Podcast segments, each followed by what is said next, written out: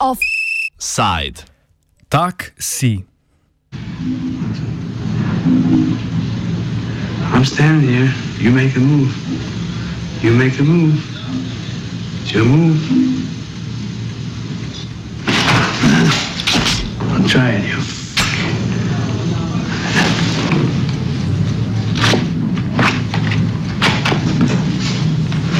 talking to me? You talking to me? You talking to me? Well, who the hell else are you talking to? Talking to me? Well, I'm the only one here. Who the fuck do you think you're talking to? Slišali ste odlomek iz kultnega filma Taksist Martina Scorseseja iz leta 1976. Ali danes, leto gospodovega 2021, kateri izmed slovenskih taksistov pred ogledalom poustvarja verjetno najbolj znan prizor iz omenjenega filma, ne vemo. Gotovo pa je, da bi si vozniki taksijev želeli manj monologov ali pogovorov med sabo in več konstruktivnega dialoga s tistimi, ki jim odrejajo njihov trenutni delovni vsakdan. Ta je zaradi ukrepov proti širjenju novega koronavirusa močno drugačen od običajnega, predepidemičnega, pa tudi od že epidemičnega, ki so ga živeli pred slabim mesecem dni.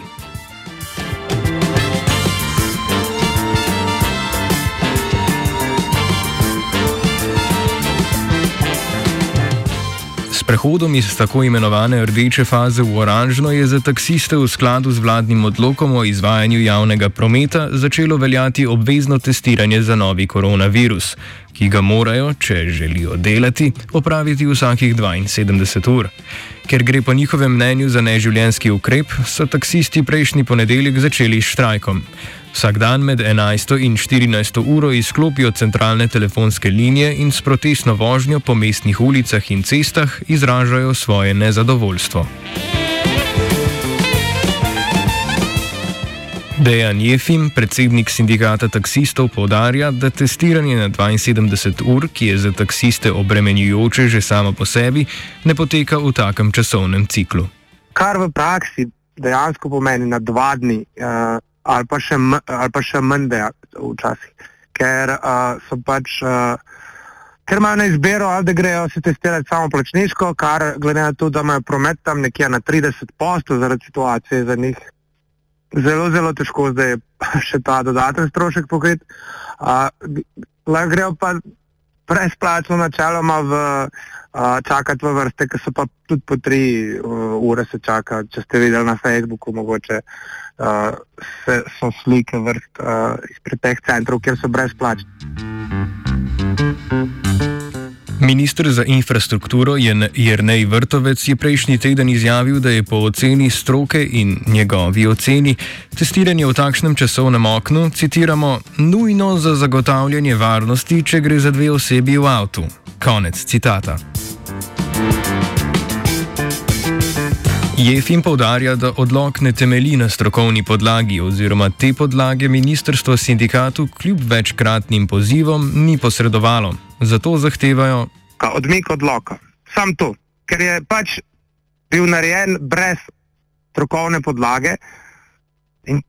Ne vem, zakaj bi se kdorkoli držal odloka, ki je bil sprejet ne vem, kako je to bil sprejet pol iz glave. Ker minister nam je obljubil, da nam ga bo poslal strokovno podlago, ker smo ga takoj vprašali na začetku sestanka. In je rekel, ja, na osnovi strokovne podlage, je rekel, jo imate, ja, jo imamo, a jo nam boste poslali, ja, bomo popovdne, do danes še nismo dobili.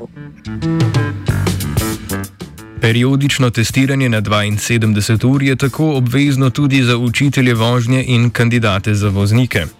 Težave, s katerimi se soočajo v avtošolah, so tako podobne tistim, nad katerimi tožijo taksisti. Več pove Martin Miklavc, predsednik Združenja šol vožnje Slovenije. Eh, ja, ta podatek drži, eh, ne, eh, ni tri dni, ampak je točno določeno na 72 ur, kar nam še dodatno oteži zadevo, ne? ker potem ne traja dan do polnoči, ampak točno od ure, ko dobimo rezultat, potem 72 ur ga lahko tudi koristimo. To velja za učitelje vožnje in velja tudi za kandidate. Ne? Ker sta v tem procesu dva, se pravi učitelj in kandidat, je te stvari na tri dni zelo težko usklajevati. Najtežje je to usklajevati v, v ponedeljkih, sploh v večjih mestih. V Ljubljani recimo v nedeljo zelo težko dobiš uh, brezplačne teste tako za kandidate kot za učitelje. Za kandidate je ta problem še toliko večji, ker drugače jim z plačljivimi testi še podraži samo učenje.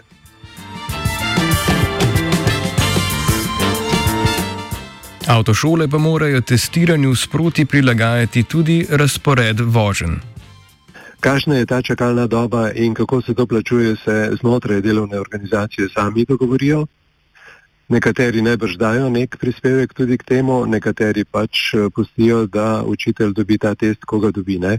Ker problem ni samo to, to, da se testiramo. Potem še eno uro vsekako čakamo na ta, uh, bi rekel, izvid, pozitiven ali negativen. Kar pa je vezano potem na vse procese. Mi v vozilu ne smemo biti eh, in tudi upravljanje izpita ali vožnje ne more biti, če oba dva nimava tega testa, ki ni starejši od 72 ur. Tako da tu so logistični problemi, so časovni problemi, ker tudi v Ljubljani, kjer je recimo tega brezplačnega veliko, vsekakor 3-4 ure učitelj in seveda tudi kandidat izgubita, da se lahko testirata. Ne? V Ljubljani je na voljo kar nekaj lokacij za testiranje, v manjših mestih pa je teže priti do testa, kar predstavlja dodaten logistični zalogaj. Problemi so na Gorenskem, ko nekateri učitelji morajo iti v, v, na bled se testirati iz jesenice. Recimo. Včeraj recimo, je bil problem v Novi Gorici, ko je kandidat imel obenih izpit in je mogel učitelj se v Tolmini testirati, da je prišel točno do enih, potem na sam izpit. Potem problemi so, ker v vseh mestih seveda ni vsak dan možno brezplačno testiranje. Kot pravi Jefim, imajo z dostopnostjo testnih mest težave tudi taksisti. Ja, veste, zagotovljeno tukaj je zagotovljeno za druge drža, uh, državljane. Ne? Se pravi, oni se morajo znajti sami, sami za sebe. Uh, v manjših krajih je problem predvsem to, da nekatere dneve ni testirano. Se pravi, da ti uh, pač moraš, ne vem, če hočeš delati v nedeljah, recimo, vem, da ni, mislim, da v Kopru ali v Mariboru. Uh, in če ti hočeš delati v bistvu v ponedeljek, se moraš iti ne vem, v, v soboto zvečer, mislim, če hočeš v nedeljo, se moraš še en dan zgubiš, v bistvu, na teden še s tem. Ne? In je še teže. Pač uh, ni se Ljubljana, Ljubljana ima saj veliko teh centrov, ni, nikjer ni več posebej organiziran. Mi smo prosili ministrstvo in vse, da nam ne saj nekako organizirajo.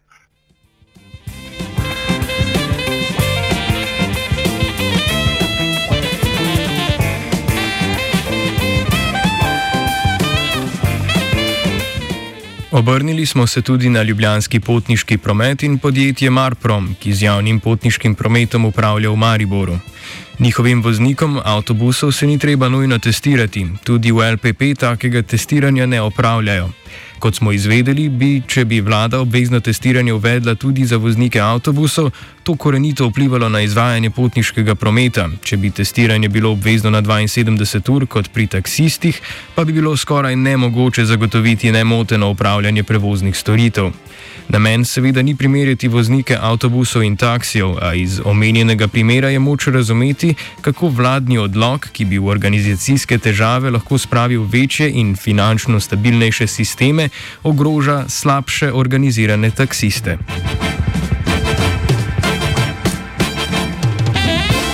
Odgovornost za zagotavljanje ustreznega testiranja je vlada s prejetim odlokom preložila na delodajalce ali v večini primerov na taksiste same. V sektorju prevladuje prekarna oblika zaposlovanja, zato se morajo samo zaposleni taksisti organizirati sami. Večina jih proba tam na brezplačno, nekaterim pač firme plačajo, na vse načine, nekateri si delijo stroške. Znajdejo se pač skupaj drugi. Um, pač problem je, če čista organizacija, ne veste, to je posel, ki moraš ti konstantno delati. In recimo ne, ne mogoče ga je primerjati s čemerkoli drugim, uh, uh, ker uh, taksisti še zmeraj 80 ur na ulici, sam promet imajo tukaj. Razumete, oni delajo isto količino dela. isti leasing imajo, isto zavarovanje, isto vse stroške, vinjet, vse, vse, vse. A, a prihodka imajo pa 30 posto, odvisno od firme zdaj. Ne, veste, to, je, to je zdaj v menu že preblo, ne, zdaj, zdaj pa še, da še od tega en dan vzame stran, si, oziroma tretjino si še, oziroma če realno pogledaš, še polovico so zdaj prihodka stran vzeti od tistih 30 posto odprejme. Zahteve taksistov podpirajo v sindikatu upokojencev Slovenije. Kot pojasnjuje njihova predsednica Frančiška Franska Četkovič, je mobilnost marsikaterega starejšega državljana v veliki meri odvisna od delovanja taksi služb. Sindikat upokojencev Slovenije, torej smo starejši prebivalci, prebivalke te države, ne smo ogorčeni nad odnosom ministrstva do pobud eh, taksistov, eh, ker smo starejši, bi rekla, kar v veliki meri tudi odvisni od urejenih prevozov taksi služb. Lansko leto spomladi, ko ni bilo nobenega javnega prevoza, ko je bilo vse eh, totalno zaprto, so taksisti edini vozili, celo so, eh, mislim, mesec dni za enotno tarifo 5 evrov prevažali in mnogo starejših, eh, ki nima svojih prevoznih sredstev, potrebuje kakšen odhod od zdravnika, bolnišnice, trgovino, še kako eh, mu prav pride taksi prevoz. In tole, kar se zdaj počne, predvsem nas moti ta nekomunikacija z pristojnim ministrstvom, eh, da se ne usede skupaj in ne najdejo rešitve. Na Ministrstvu za infrastrukturo uradne izjave niso podali. Zaradi morebitnih sprememb ukrepov, do katerih bi lahko prišlo na današnji seji vlade in zasedanju strokovne posvetovalne skupine, namreč ni jasno, kakšen protokol bo v veljavi jutri. Na ministrstvu špekulirajo, da bo vlada prilagodila časovno okno testiranj in uvedla morebitne nove pogoje za zagotavljanje varnosti pri opravljanju dela taksistov. Kljub temu zagotovil, da se bodo taksisti testirali prednostno, na naše izredno vprašanje nismo dobili.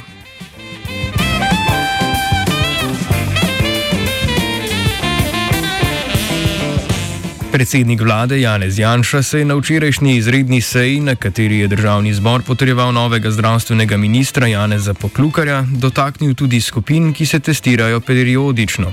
Zaposleni v panogah, ki zahtevajo redno testiranje, bodo uvrščeni na prednostni seznam cepljenja, vendar še ni znano, kako visoko na seznamih cepilne strategije se bodo znašli, niti kakšna bo okvirna časovnica, ko bi ti zaposleni lahko prišli na vrsto za cepljenje. Eh, vlada bo v bližnji prihodnosti eh, dopolnila strategijo cepljenja. Med prednostne kategorije bomo uvrstili vse tiste, za katere je eh, predpisano obvezno testiranje iz razumljivih razlogov. Gre za šolstvo, gre za tiste, ki delajo v trgovini taksiste, recimo vse tiste, ki zdaj zaradi visokega tveganja uh, se morajo obvezno periodično testirati. Med to kategorijo bomo sveda uh, uvrstili, odgovarjam na eno od prejšnjih razprav, tudi državni zbor in uh, pač ostale dele kritične infrastrukture ali pa vodstvenega dela kritične infrastrukture, tako da bo možno bolj natančno pač, uh, ugotoviti ali pa določiti, uh, kdaj bo do tega cepljenja prišlo. Uh, ne pa povsem natančno, ker smo pač odvisni od dejanskih dobav cepiva in ne od najav. Ne, žal se to vedno razlikuje in zelo malo krat v pozitivno smer. Ker je možnost cepljenja postavljena v negotovo prihodnost, taksisti pa morajo do takrat preživeti, v sindikatu napovedujejo ustavno presojo spornega odloka. Vsa pravna sredstva bodo uporabili tudi pri izpodbijanju kazni, ki so jim jih denimo za hupanje na protestnih vožnjah spisali možje v modrem.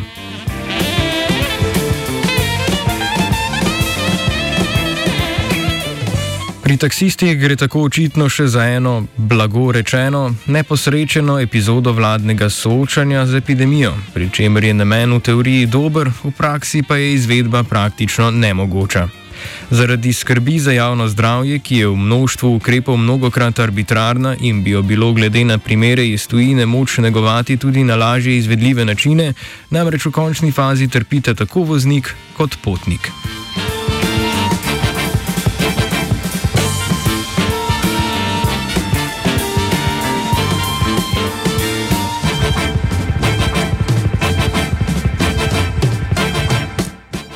Taksi je klicala Marja, z njo ga je čakal Fabian.